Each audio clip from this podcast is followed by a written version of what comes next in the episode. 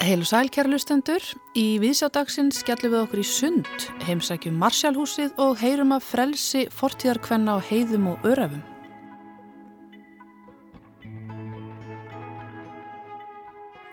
Við höldum vestur á Granda í Marsjálhúsið en þar hafa nokkrar breytingar orðið síðustu daga. Eins og hlustendu viðsjár vita þá eru starfrættar bæði nýlistasafnið og galleri Kling og Bang en nú hefur Galleri E8 tekið yfir rými sem að áður var haft undir gestastofu fyrir stúdíu Ólafs Eliassonar. Við heimsækjum nýjan síningasal E8 í dag og ræðum við Börk Arnarsson eiganda Gallerisins en í þessu síningarými er nú komin upp síning á verkum pólsku listakonar Alísju Kvade sem E8 á orðið langt og gott samstarf við.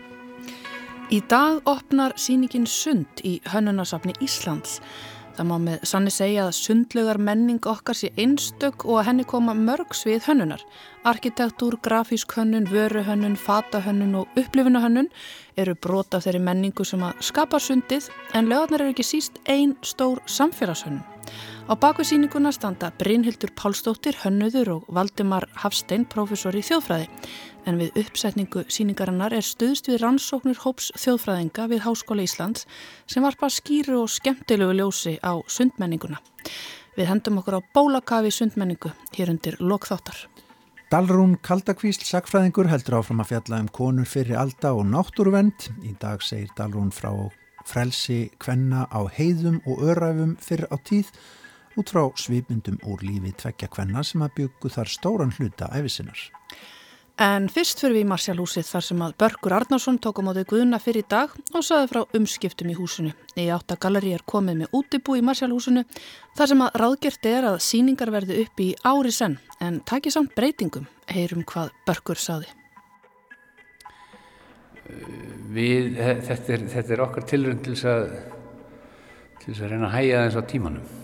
Við erum uh, búin að vera síðustu árin á, á, á, á miklum þvælingi uh, hingað og þangað uh, og, og þegar að allt stoppar hérna fyrir tveimur ánum síðan þá áttum við okkur á því að það er kannski, þurfum við að finna upp aðra leiðir til þess að gera hlutina. Við þurfum kannski að reyna að fá fólk Eh, til okkar frekar hann að vera stöðut að elda það út um allan heim. Og ein leið til að gera það er, er kannski að, að, að, að leifa hlutunum að líða aðeins hægar og, og bjóða fólki upp á að koma við á Íslandi hvernar sem því hendar. Uh, á sama tíma erum við að sjá það að allar síningar bæði í söpnum og galleríum og, og listamessum, svona kaupstefnum keppast mikið við það að vera stöðugt að sína e, ný verk eftir nýja listamenn og, og það, það, það, það sem kallast að gamla það gleymist fljótt. Og jáfnvel verk sem eru aðeins orðin 2-3-4 ára gömul eru bara orðin gömul og úreld og, og þetta er þetta er leiðileg þróun vegna þess að það er fjöldin allur af verkum sem að listamenn er að vinna og gera sem að hafa kannski fengið örsýningu mm -hmm. og, og eiga svo sannlega skilið meiri tíma til þess að fá að eh, setja sig inn í, inn í einhvern veginn inn í umhverfið og, og fá fólk til þess að átta sig á þeim og njóta þeirra og, og hugsa um þau og sjá þau og við, eh, okkar hugmynd var að gera sagt, pláss sem að hefði þessa kosti að geta lift listamann eða vinna inn í, inn í rýmið og tíman og, og að við myndum gefa því miklu miklu meira sveigrúm til þess að gera síningu sem er ekki heldur statísk. Og, og, og í þessu tilfelli þá erum við að horfa hérna á, á síningu sem að tekur breytingum á hverju mennastu degi og mun gera það allt árið Á hverju minnstu degi? Já, Já. á hverju minnstu degi og hún, hún opnaði hérna 22. janúar og lokar 22. desember mm. og mun uh, breytast hún mun anda og stekka og minga og, og snúast við og, og það mun vera verk hérna sem að það eru verk að verða til á öllum þessum tíma og það eru líka verk sem að koma og fara og og, og við við hefum ekki getað fengið betri listamann til þess að byrja þetta prótið til okkur heldur en, heldur en Alice Kvati sem við höfum unnið með núna í að verða líklega rúmlega áratug. Og, og hún er mjög hennar viðfangsefni eru vissulega tíminn og, og rými. Hún er svona lítill eðlisveðingur mm. og, og hér erum við svolítið að sína verk sem eru þess eðlis mm. Stöndum mynda við sko það sem að lofthæðin er örglega mest ef að breytist nú örglega hljóðu þegar við löpum hérna innvegna þess að hér er gríðarlega lofthæð hér er nú svona skúltúr sem snýst í loftunum sem er nú pínlítið óþægilegur maður að segja staflega svo er Þetta er grjótnullungur, einhver svona 100 kílóa grjótnullungur sem að snýst hérna ring eftir ring og... Fyrir ofan höfuðið á okkur? Fyrir ofan, rétt fyrir ofan og, og, og í öðrum výr andspænis er, er, er ljósapera, vennjuleg heimilisleg ljósapera. Og á alla veggi hér í kring þá sjáum við skugga af, af þessum litla netti. En þetta er mjög svona, hvað er maður að segja, tákgræn alheimsmynd. Hérna. Eh, en síðan hérna fyrir hliðan á okkur hérna hinnum einn þá er uh, hins vegar steitt sem, sem snýst alls ekki vegna þess að hann er hann er eini hluturinn á jörðinni sem er grafkýr mm. þessi steitt sem snýst andsælis og meðan við uh, út frá einni stjörni í, í, í, í hérna alheiminum þá er þetta þessi stein er kjurr og við snúumst kringum hann okkurall ja. hann er sem sagt að snúast hérna ögun ringa á 24 klukktímum hann fer sem sagt alveg á þess að við sjáum það þá er hann á reyfingu hann er á helmingi hægari reyfingu en litlivísinni á úrunuðinu Akkurat, ef maður kannski færi fram í smá stund og myndi koma aftur og þá, þá myndi maður sjá það það er einhver, einhver reyfing Já. Eh, hátegis matur hérna niður og aftur upp þá ertu Já, það er búin að snúa sér. Klukku tíma Hann er sem sagt á einhvers konar mótor. Já. en hérna, svona ef við rifjum það upp þú, þú segir því ég átt að búin að eiga samstarfi Alice í, í ein, einhvern áratöðu eða svo eh, hvernig kom það til? Það er eins og með kannski, já, aðra listamenn sem við erum að sína við, ég sá verk hennar í ég mann ekki hvort það var í Þískalandi eða Danmörku eða eitthvað staðar og, og byrjaði að fylgjast með því sem hún var að gera og, og svo buðum við henni síningu kjálfarið og svo höfum við eignast eitthvað verkum eftir hennar hún er búin að sína hjá okkur núna í, í, í tvígang og, og við höfum líka verið að semst, vinna með hennar verka á svona kaupstefnum og með henni á síningum annar staðar og höfum verið að gera jafnvel svona hérna uh, útiverk hjá, hjá, hjá söfnurum. Þetta verklum sem við horfum að hér er, er, er bæði inni verk eða útiverk, þetta getur verið bæði innandir og úti. Mm. Og, og þetta er svona, hvað er maður að segja, umbreytingsverk. Hér í rauninni breytur hún stól yfir í uh, koparskál. Já en, en allt er ekki eins og það sýnist vegna þess að stóllin er, er brons stift, stiftur stóll og við hliðin á honum er síðan steingerfingur hann sé gammal og, og hann strax tekur aðeins formið af stólnum og næst þar við hliðin á er, er rauð, hérna, rauðt granít sem að lítur út eins og fundin hnullungur en er í rauninni hogginn til til að líta út eins og fundin hnullungur. Svo við hliðin á honum er, er Íslandst hraun sem er búið að vera saga til í svona mjög ónáttúrulegt form. Mjög ónáttúrulegt og, og, og, og matematíst form sem síðan heldur áfram í brons og síðan í granít og koparskál.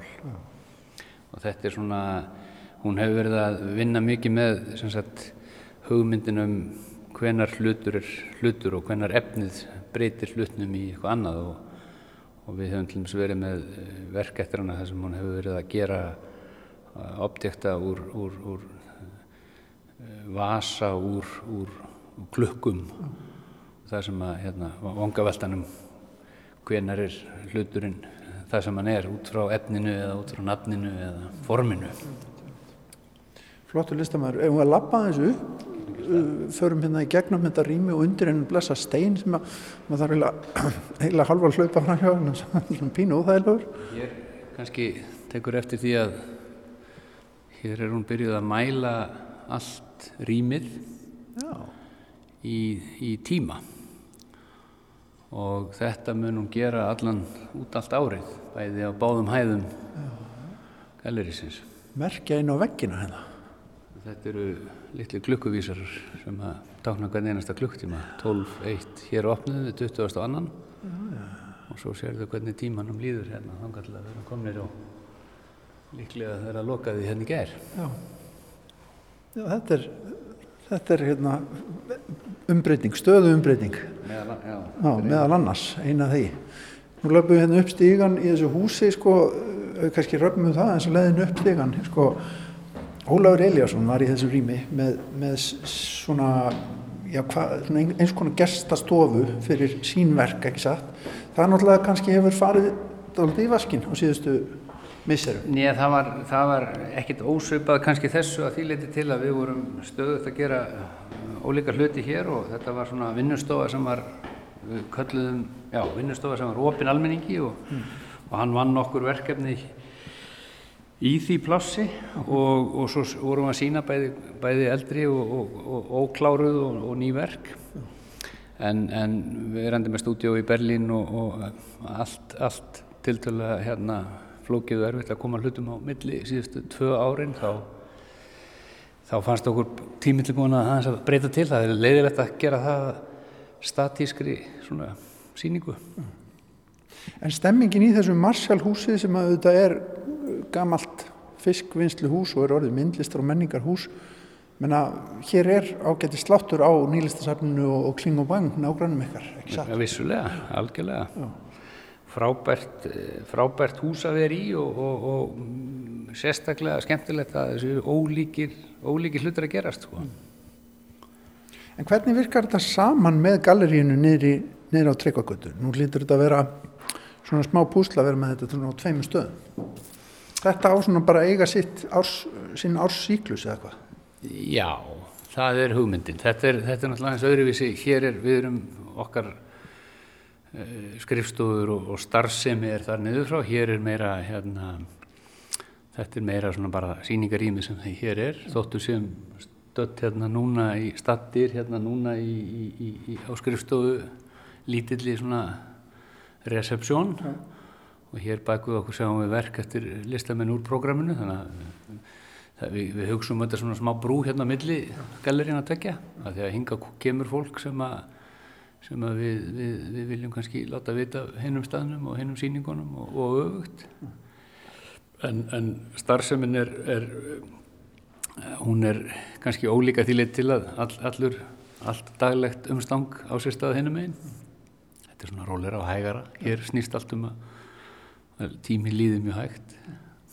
Helt ár. En eru þið búin að ákvæða hverjir koma til með að taka svo við? Við erum ekki, við ætlum ekki að tilkynna það strax. Nei. Það verður svona eh, þegar að vera kannski að kannski við sömarsólstuður, þá getum við kannski sagt frá því. Þetta svona er í, er í þróun og verður með þessu, þessum hæga gangi. Já, það er okkar von. Það er okkar von, það er ánægilegt að geta sagt fólki að þegar að spyrja okkur hvað við erum að sína og, og það vil Eh, fólk annar staða frá sem vil koma til, koma til Íslands að við getum sagt um að, að þau geti komið á þessu síningu hvenar, hvenar sem er á orðinu. Þetta var Börgur Arnarsson eigandi gallerís í átta í Marsalhúsinu fyrr í dag áhugaverð síning Alísju Kvate í nýju síningarými sapsins í Marsalhúsinu. En þá yfir í allt aðra sálma. Dalrún Kaldakvísl sagfræðingur, hún ætla nú að taka við. Hún hefur undanfarnar vikur flutt okkur Áhugaverða pisla um konur og náttúrvernd. Í dag segir Dalrún okkur frá frelsi kvenna á heiðum og örefum fyrir á tíð, út frá svipmyndum úr lífi tvekja kvenna sem byggu þar stóran hluta æfisinar. Dalrún Kaldakvísl tekur nú við. Hinn djúb og höfga heiða kyrð, í hörpuna þúsund rattir fær. Í öröfa friði fyrst ég nam, hver fárt í lotning hjartar slær, og sálminn heyrandi heyrði þar, og hljómkviðan eilið bars mér nær. Það orti íslensk skálkona sem fætt var undir lok 19. aldar, Guðfinna Jónsdóttir frá Hömrum, ljóðskáldið sem namn hljómkviðu eilíðar íslenskrar víðáttu. Orð skálkonunar um heiðakyrðina og örafafriðin marka upphaf þessarar frásagnaminnar um viðhorf fyrrialdakvenna til ósnortinar náttúru Íslands, heiðalandana og öræfana. Um aldir hafa íslenskar konur ferðast um výðernin sem tengja byggði landsins, óbyggðinar. En fáar konur hafa gert fyrnindin að heimili sínu.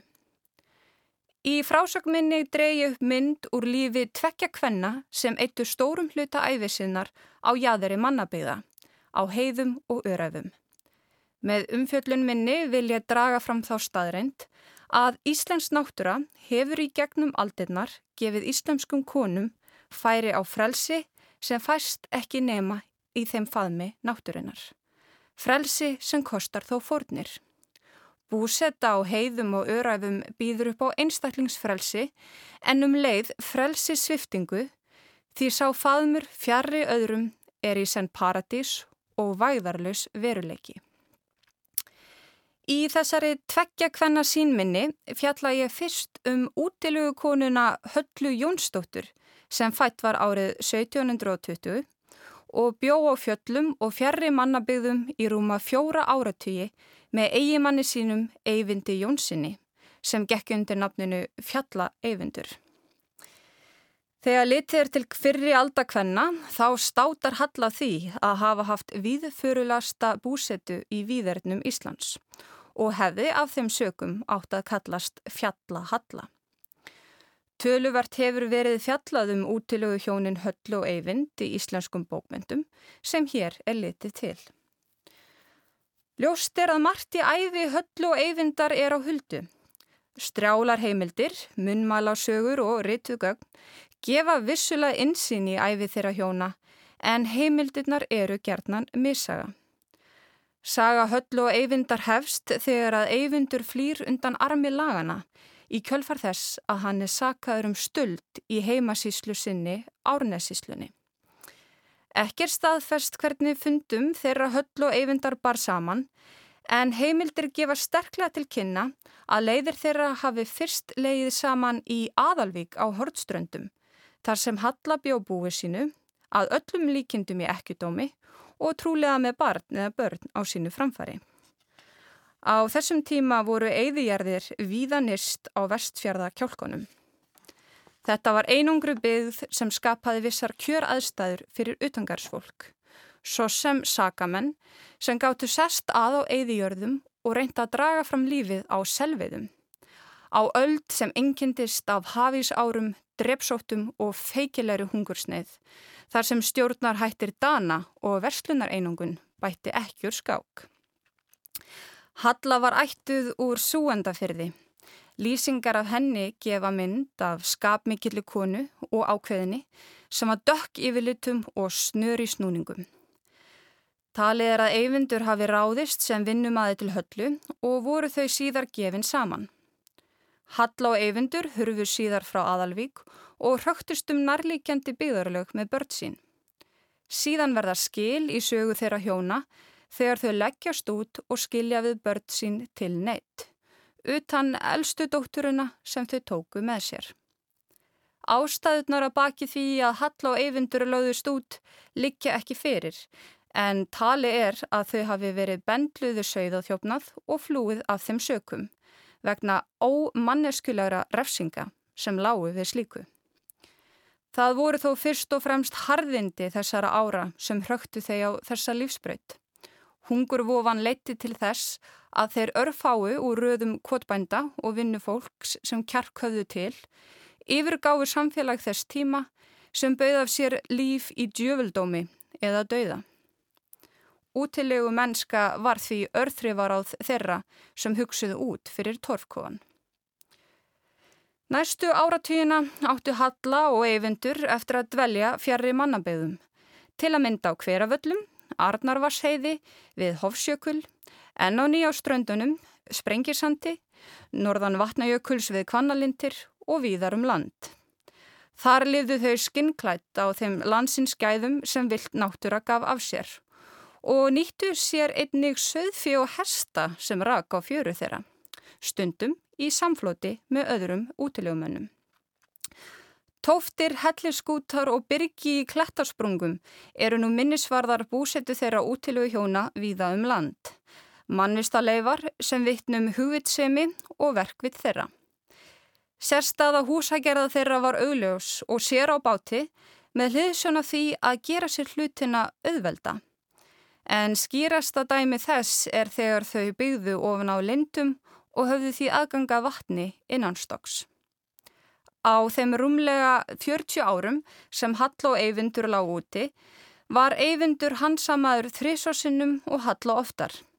En alltaf tókst þeim að flýja aftur og fund hvors annars í faðm fjallana. Heimildir um örafa hjónin Höll og Eyvind, hvort heldur þær eru sögulegar eða skáltaðar, lýsa gerðnan Eyvindi sem fjallkungi og ljósum yfirlitum, en Höllu sem einskonar fylgis með hans kona sem fyldunum á ferðum hansum óbyðunar því hún gati ekki án hans verið. Slík sín á höllu kemur ekki óvart því ásetningur hvenna í sögunni er gerðnan sagður vera af romantískum toga. En hvað sína heimildur um höllu um kjör útilegu hvenna sem höfðu allt annars konar aðtapna og ferðafrælsi en samferðakonu þeirra? Og hver voru viðhorf þeirra útilegar hvenna til óbyðana? Heimildir sína að Halla syndi heimilustörfum þar sem hjónin dvöldu hverju sinni. En sögur sína að verkaskipting kynjana viðhjálst jafnvel í óbyðunum, svo sem kemur fram í útilegumannar sögunum. Eitt sinn var Halla handtekinn þegar hún er í miðjum klíðum að sinna heimilisverkunum og tóku vittnin fram hver einstaklega snirtilegt var í húsakinnum örafa húsfreyðunar. Önnur lýsing sem gefur insýn í störf höllu er höfð eftir smala sem sá hana tilsýndar mjölka ær í mestu makindum. Til er listi af innanstokksmunum höllu og eyvindar úr koti sem þau byggðu við jökulrönd. Koti sem þau þurft að flýja er flokkur bænda sótti að þeim. Á listunum kemur fram að Halla átti fáinn tól sem hún nýtti við heimilisverkinn svo sem um vittna mjölkurtrók, tveir snaldusnúðar og bandniklar. Erfitt er að gera sér í hugarlund aðstæður kvenna á borðu höllu sem helt farandheimili á flæmingir sínum um öræfi og eigði byggðir. Samlega því sem hún fætti og óluppbörð þeirra hjóna, stundum við hörmungar aðstæður sem skapast geta í óbyggðum. Hvernig sé var móðir bartsitt upp á öræfum í nýstingskulda og stormi? Hvernig hveður móðir nýlátið barðsitt við jökul skjöld. Höllu var líst sem kaldranalegri konu. Einn heimildarmadur sagði að hún væri harlind kona en að hann eyvindur væri bljúur maður. Ætla má að Halla hafi haft viss völd í sambandinu til að mynda með hliðsjón af ólíkri skapgerð þeirra hjóna og aldursminnar en hún var nokkrum árum eldri en eyvindur. Halla var einstakla áraðin kona. Til dæmis kom fram í frásögnum af því þegar hún var hansumuð hver þögul og varfarinn í orðum hún var í varðhaldinu, svo hún myndi ekki upplýsa neitt um lifnarhætti þeirra hjóna. Auk þær síndu þær sagnir að Halla bjóði yfir kennsku sem hún nýtti til að sleppa úr varðhaldi á vit víðarnana, sinna náttúrilegu heimkina. Einsagan segir að Halla hafi eitt sinn í varðhaldi, sem gömulkona, sittið undir bæjarvegg í fögru veðri og sagt að fagurt var á fjöllunum núna. Næsta dag var hún horfin. Áraðanlegar heimildir eru fyrir því að Halla og Eyvindur hafi snúið aftur í gamalt eigðukott sitt í jökulfjörðum til dvalar á síðustu æfi árum sínum. Sögur herma að Eyvindur hafi látist á undan höllu og verið grafinn í túninu þvert á geð höllu. Halla harmaði að eyvindur fengi ekki að likja í výðri mold í kirkjugarðinum.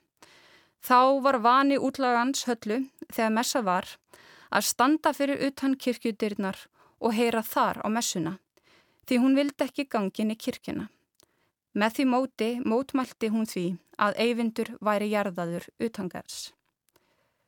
Fjallahalla var útlægi, allt til hins síðasta og sagan sínir að hún bar eldheita ást til hálendisins og öræfana þar sem hún naut frelsis frá kvöðum samfélagsins. Fagurt er á fjöllum. Hér er komið að skilum í frásögnminni því nú verður haldið til fundar við 20. aldar heiðakonum. Kona svo var skýrð eftir eigu einni í breyðaferði sem var ætið blómum vaksinn á sumrin. Nafn hennar var Blómei Stefansdóttir og hún var fætt árið 1914. Blómei var fætt á Seyðisfyrði en ólstað mest upp á Reyðarfyrði. Uns hún hleyfti hindraganum unga aldri og fluttist á sveitabæin Aðalból í Hrafkjelsdal um 500 metra fyrir ofan sjávarmál við andiri öræfana. Blómei sagði síðar að þar hafinni liðið best á æfisinni. Blómei sagði Þar blasa endalus ósnortin výðerni við með jökla síni fjaska en heiðum, vötnum og reyndir að hjörðum nær. Það er varðla hægt að hugsa sér neitt fallegra en reyndir sem stendur upp á hæð með snæfell í baksín og reysir myndarleg hort sín mót himni. Það er tákt máttar og dyrðar og slík sín eldtímir þráina eftir hennu fullkomna, ótakmarkaða frelsi. Saði Blómei á gamals aldri. Blómei var snemhendis meðvituð um kúun feðraveldisins og hún lísti því eitt sinn þegar að hún, ung kona, átti samræðum við vinkunur sínar um framtíðina og sagðist þá dreyma um að vera pipa mei, ein á eigu, fjari öllum karlmönnum. Hún sagði að vinkunur sínar hafi tekið undir þannan draum hennar því þeim, líkt og henni, fannst flestir karlmenn vera stórbokkar, frekjuhundar og drullusokkar sagði Blómi. Örleg Blómi er átti þó eftir að verða þau að hún síðar, einhleip móðir á landsbyðinni, kynntist Karli með ofsaskap sem hún segir að hafi á sinnhátt skipa henni að vera eiginkona sín. Þegar ég játaðist tónum út yfir gröf og dauða viss ég að þannig erði það af minni hálfu og erði aldrei aftur tekið. Og þannig var það Það var dauðin sem aðskild okkur, sagði Blómi. Maðurinn sem Blómi kynntist var Óskar Magnusson sem síðar var þekktur sem spámaðurinn á fjallinu því hann á gamals aldri reisti lítinn torfbæ á helliseiði í flengingarbrekku. Það gerði Óskar í kjölfar þess að hann og Blómei urða að hverfa frá heimili sínu í Blesugrófinni þegar að Reykjanesbraut var lögð. Óskar sagði að þau hefðu flúið á heiðina og það gerðu þau árið 1973 og byggu í heiðarkotinu við afar slæmankost í nýju ár. Það var síðan lungvis síðar eitt kaldan höstdag árið 1992 að frettamæðurinn Ómar Ragnarsson var á ferðinni sem oftar og rekst þar á Óskar Magnússon sem var þá að hjóla í átt að gamla heiðabilinu sínu í kvassviðri. En á þeim tíma voru hjónin flutt aftur í bæin en Óskar dvaldi í kvotinu endrum og sinnum einn. Ómar Ragnarsson bauð Óskar í far og tók hann síðan tali og þá fekk Ómar forsmekkin af ofsareiði og gífurlegum trúarhitta Óskars sem róaðist þó er leið á spjall þeirra. Ómar uppliði Óskar sem einskonar bjart í sumarhúsum þar sem hann heyrði á ræðu Óskar sem paradís hans á heiðinni paradís með tveimur bustum, frumstæðum kálgarði og geitakofa og klettavegg sem gnæði yfir sælureitin.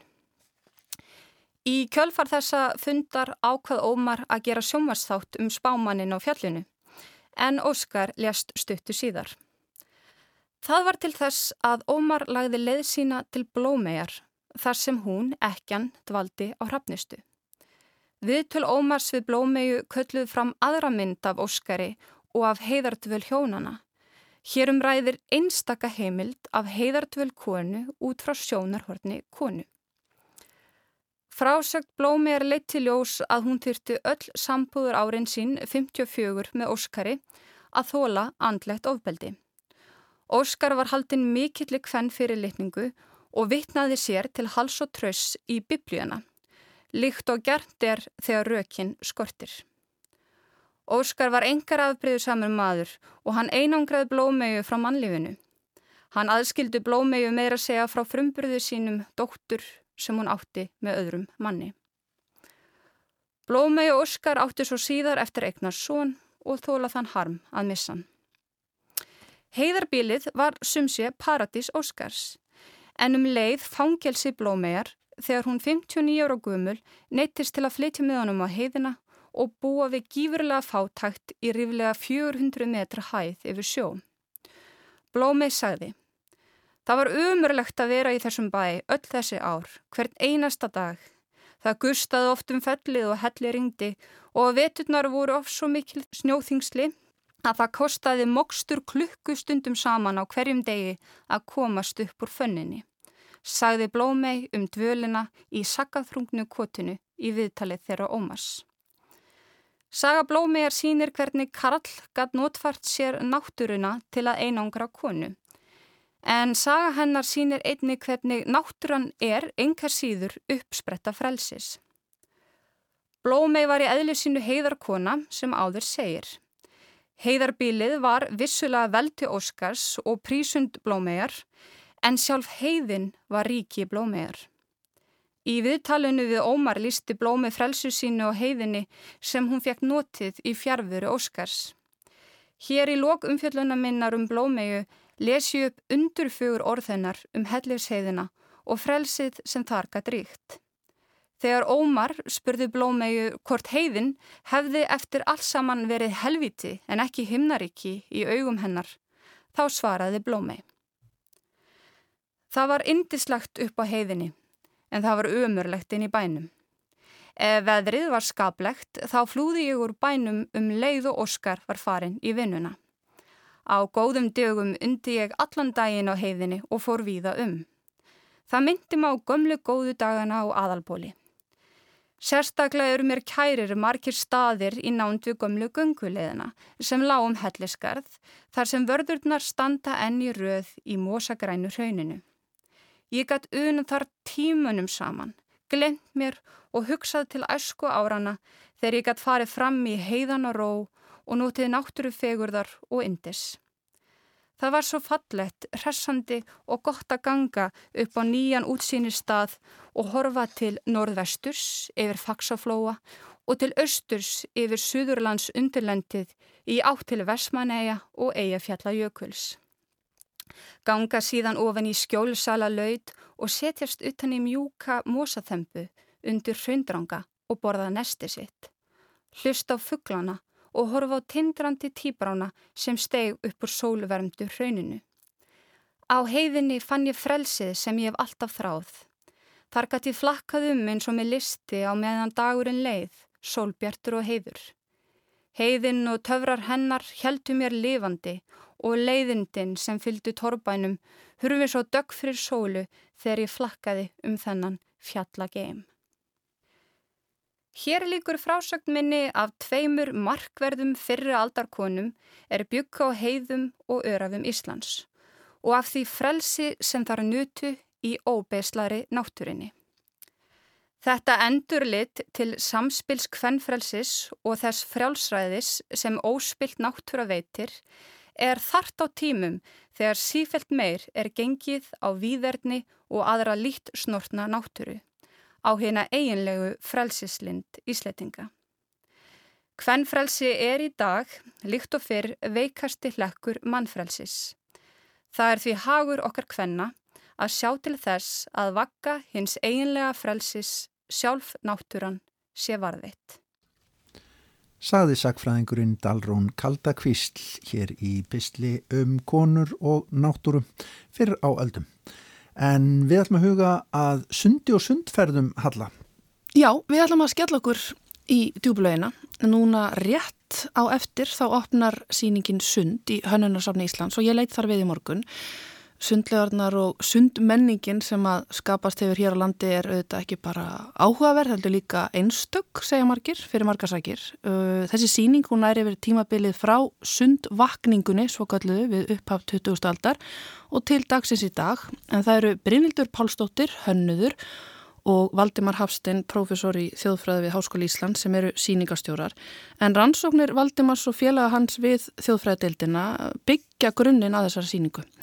Ég hitti Brynildi í morgun, fekk að heyra á síningunni, en líka að heyra sögur úr laugunum, sögur sem að þjóðfræðin hefur verið að sapna undan farin misseri. Við bara byrjum þar.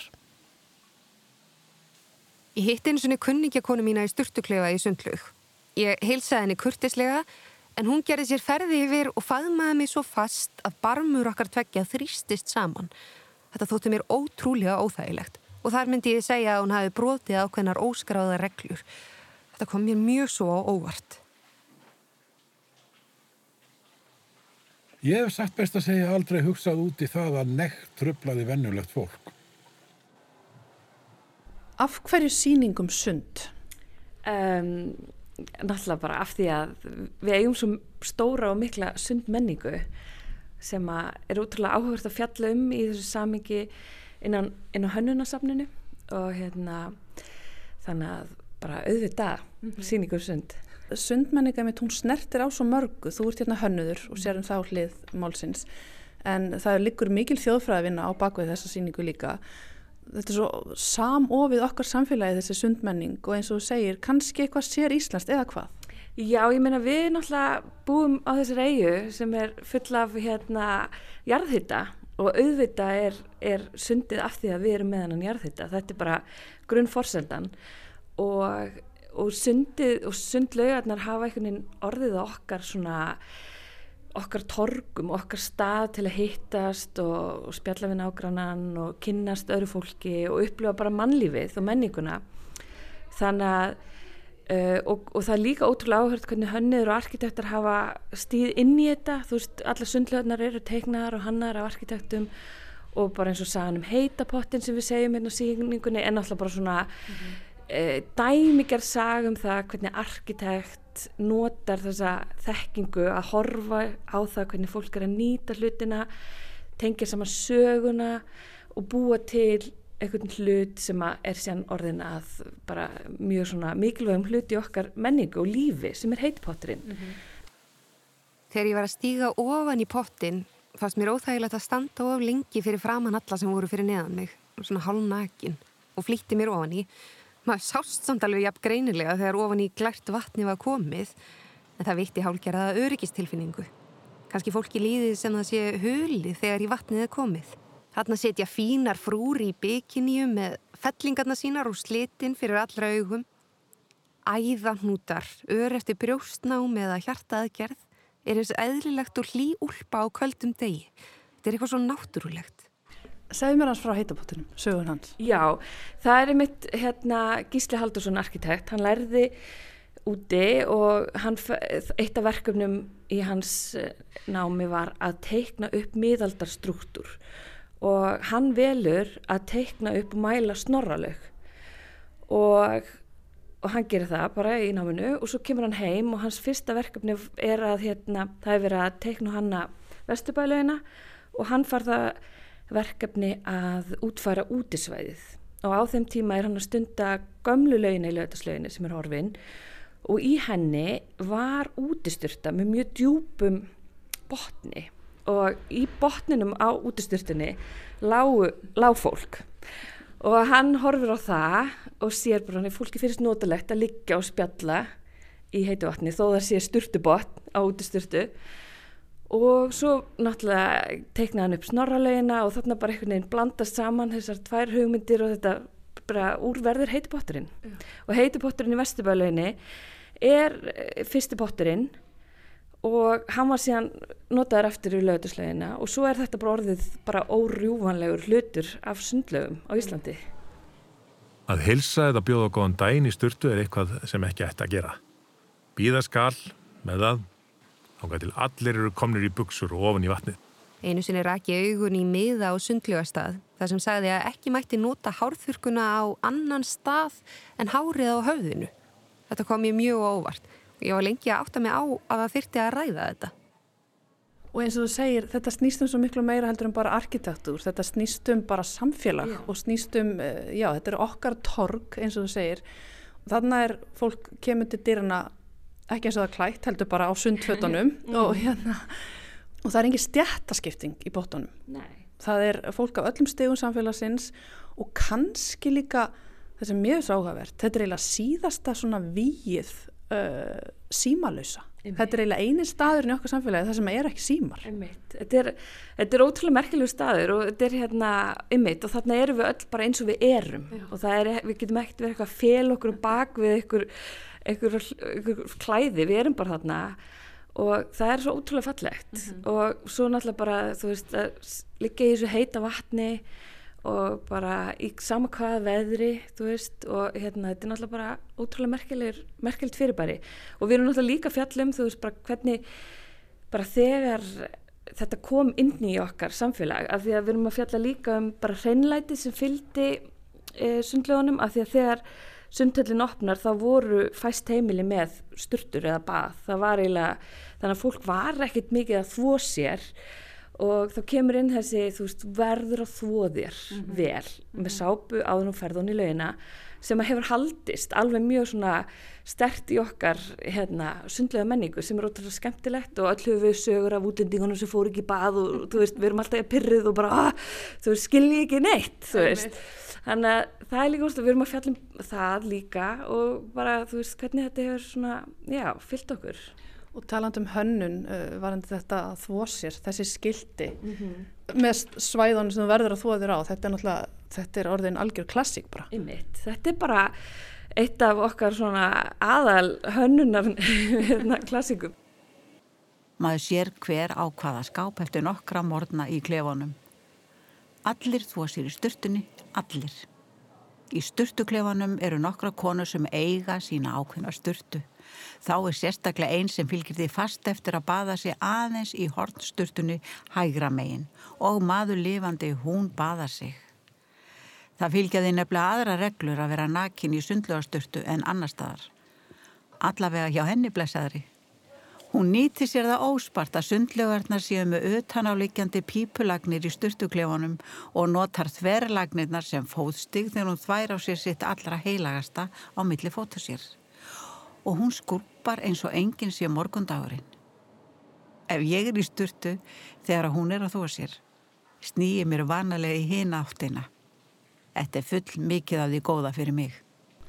Tölum aðeins um síninguna sjálfa hérna í lokin. Við stöndum hérna í steganum þar sem að þeir eru búin að hengja upp, þetta er eins og að ganga inn í, í sundklefa, þeir eru búin að hengja upp handklaði hérna mm -hmm. og svo sjáum við hérna, hvað er þetta ekki í jarðlögin bara? Jú, það, við náttúrulega, það sem það er náttúrulega bara, við verðum að fjalla um jarðhittan, ég meina við værum ekki með þessa laugar nema við værum með hennan jarðhitta og við erum hérna bara aðeins að útskýra af hverju, hvernig jarðhitti kemur til og við erum hérna með eh, 1.200 svona líkan af borhólu og hérna og við erum líka fjallum, það er líka svolítið áhugavert eh, frægu borhóluhúsin eh, sem við sjáum upp á hellisegi til dæmis er eftir einar þorstein arkitekt kúluhúsin. Mm -hmm. og það er líka svona skemmtileg svona hönnunar hetjusaga þar sem að hérna arkitekt kemur og, og leysir vandamál og bjóð til þetta frábæra henduga borhúluhús sem er bara notað ennþánda í dag því að það hendar ótrúlega vel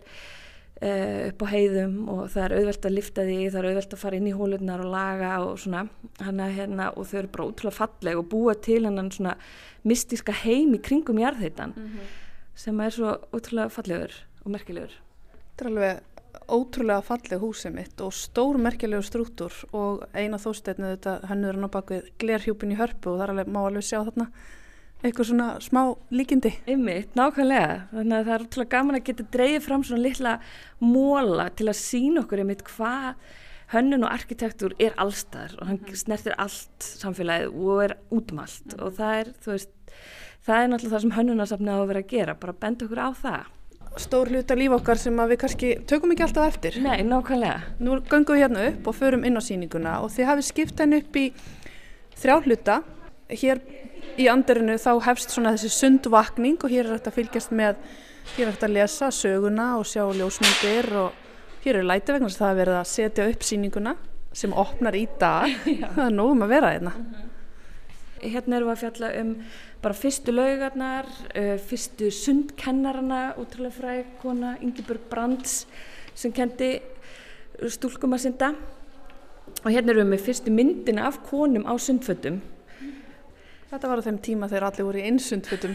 Já, konur og menn, yfir. Svo er hérna svolítið stór kapil um sundhöllina og e, já, það er alls svona litli mólar.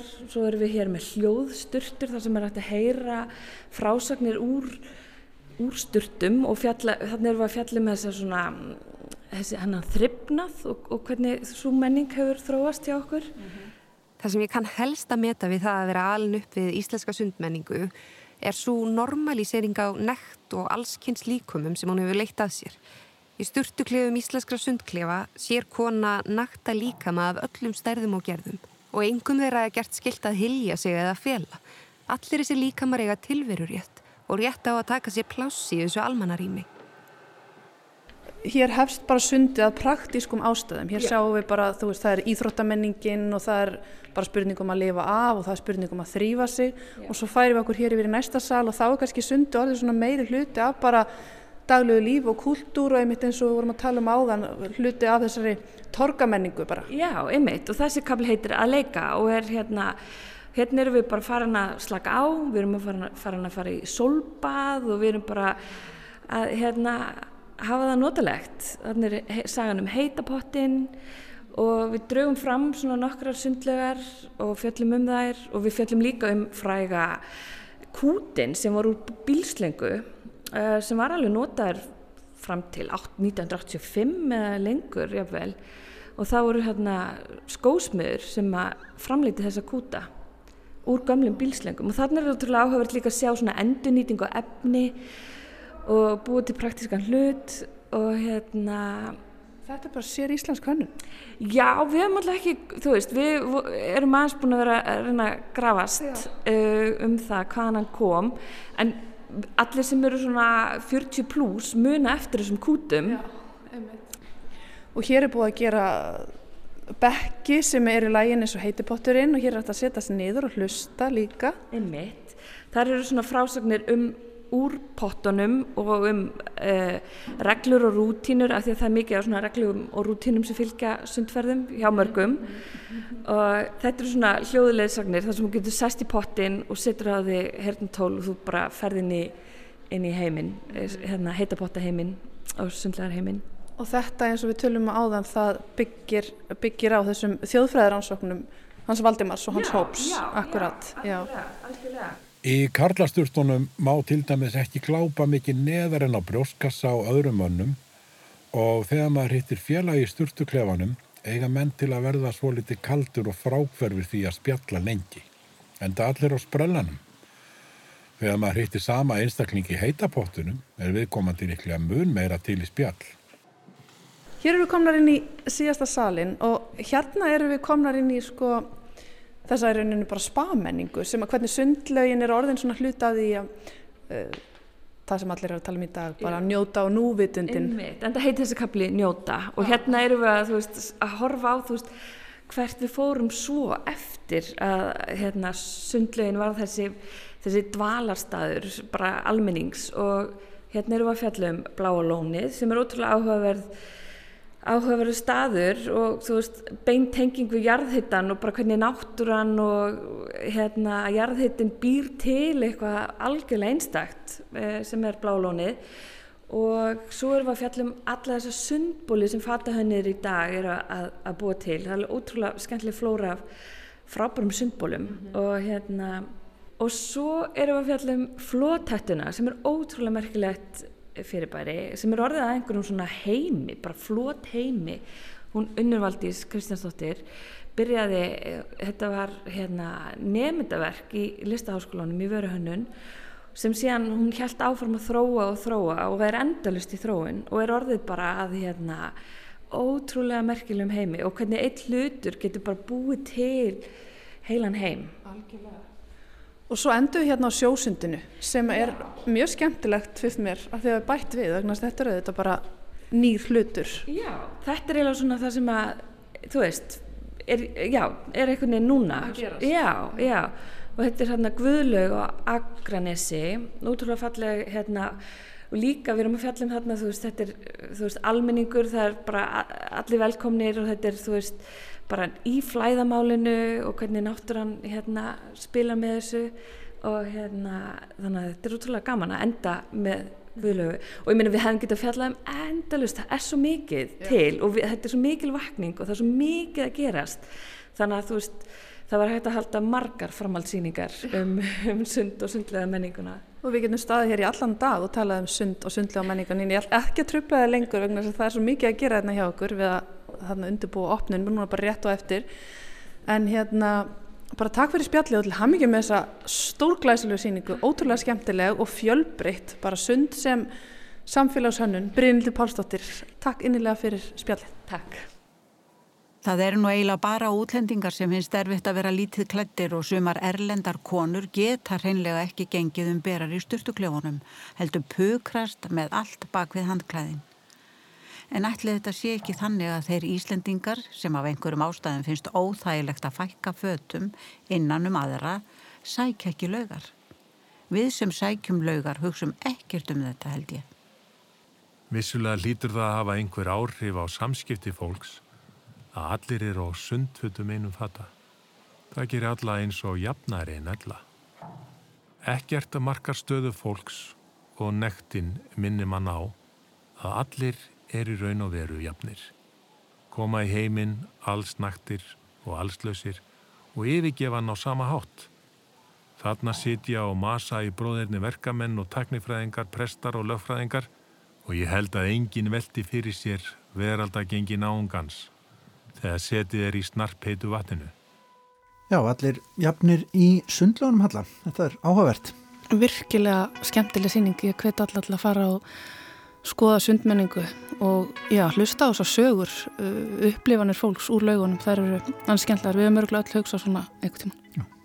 Og marandi í heitu vatni þá líku við sjá í dag. Ágættu hlustendur verður hér aftur á morgun klukkan 16.05 Takk fyrir að hlusta og verið sæl